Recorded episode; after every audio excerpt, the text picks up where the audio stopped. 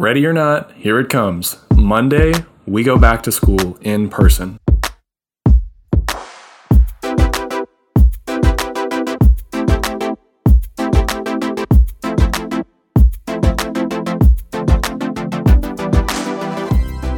What's so spectacular about February 8th? Perhaps nothing at all, but it is the date that the university has chosen to go back.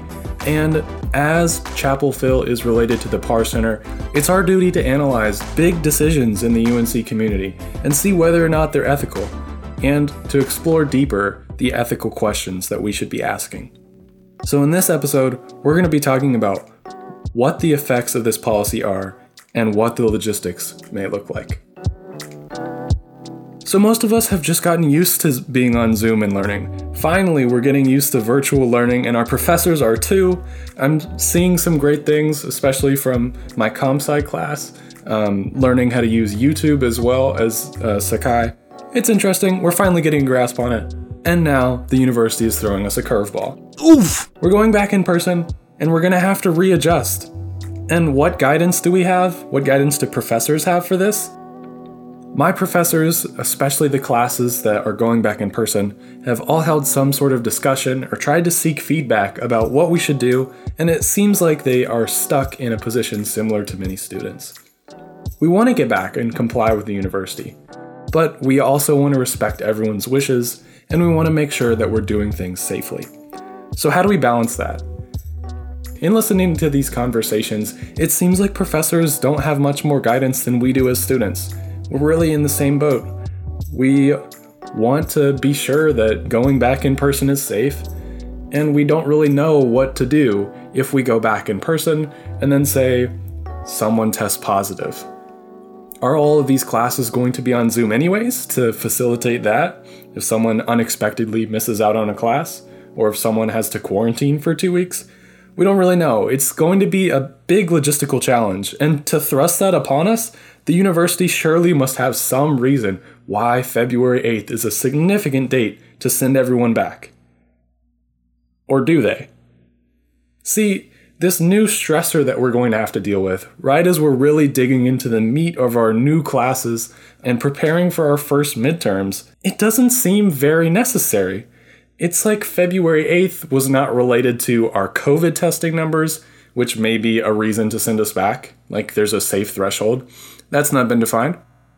Maybe there was some financial reason, some other reason the university felt like we had to go back by this date. Maybe the university is going to push it back. The thing is, the lack of information and guidance from up above is concerning. It's something that ethically doesn't make much sense. How can you say we're going to make such a grand change when you already know the semester is not normal? The administration has acknowledged that by giving us pass fail again. How are you going to say this date is when we're going back, bar none? And it doesn't make much sense on a personal level either. Let's talk about the safety of students. If we're going back into classes, it doesn't mean we're going to be outside, which is by far acknowledged the safest way to meet up with people. It means we're going back indoors, into old buildings, old, old, I have to stress again, systems, which have been known to flood, which have been known to have mold in them. I don't have a lot of confidence in the ability for these buildings to filter out coronavirus, uh, at least in their air. Maybe the university does, maybe they've changed some things, but they have a responsibility to tell us how we're going to be safe going back, do they not? And if they have changed things and updated the filters, I certainly haven't heard about it enough to feel comfortable going back and I feel like the rest of the student body hasn't either. I know everyone has been keeping tabs with where y'all going on Instagram, or if not, you've probably seen just videos of people partying. We know and we have seen members of our own community that could care less about these guidelines. We've seen some people get punished for it, but we've also seen a lot of irresponsibility. And we know that it's going to continue. We've talked about it a little bit before on the podcast, but there are just some people here that care about their college experience more than they care about the lives of others. They care about their own entertainment and their own pleasure. The university can never fully guarantee our safety as long as these people exist in our community. So the university has an obligation to tell us one, why it is safe for us to go back, two, why it is on this date that we need to go back, and three, how they plan to deal with logistical issues that are bound to arise. And this is for the betterment of us as students, the betterment of professors as well, and for our overall learning environment. Because after all, we're already stressed. Why do we need this extra stressor of going back? If I'm around, let's say 30 people just outside, hasn't happened very often, I get a little stressed, I get a little worried. You have to think in the back of your mind like someone could be exposed, someone could have coronavirus. It's a stressful thought. And when we're supposed to be going to class and learning, we should be able to have the peace of mind that what we're there to do is learn, not worry that because there are clusters in Connor or Morrison or Avery or Granville Towers, and we know one of our classmates lives there, we shouldn't have to worry that they're going to pass on to us a disease that will significantly affect our life for the next two weeks, potentially longer, potentially the people that we live with. This is the distraction that going back in person creates, and it's a fear that we shouldn't have to deal with right now, especially at an arbitrary date. So I'm going to move on a little bit because it seems apparent that everyone knows we live and interact with people that are immunocompromised all the time. That in itself makes it a questionable choice without any real importance or significance as it is pertaining to coronavirus data. In fact, cases in our county have been going up.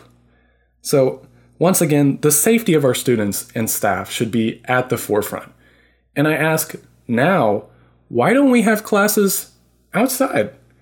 It would seem that if the university is not advertising how safe it is to go indoors, and we know that the university has, like they do on the quad, these large, not incredibly large, but large enough to have a class, uh, study areas, why not encourage a professor to say, hey, if you have a reading based class, take your class out there. We don't need PowerPoint. Um, and if you do, professors could certainly put it on Sakai and students could have it up. Just discuss if you need to discuss there. Don't add the extra stress of being inside. That's one option that I've frankly not heard, and I understand there are plenty of counterpoints to it, but you've got to think if you're going to go back and they're going to be small classes, and you've already got this built infrastructure that's not really being used, you might as well try it. That's just a thought. Preparing to go back has been sort of a shocking experience. It's really snuck up on me, it's snuck up to the other students that I've talked to, and it's snuck up on professors as well. It seems like we're all rushing headfirst into this. And in order to be committed to ethical questions and ethical discovery, we're first obligated to take a step back and ask why. Right now, as a Carolina community, in order to have trust built between us and the administration, they must lead by explaining to us and justifying their decisions, and then also ensuring that they consider all student circumstances.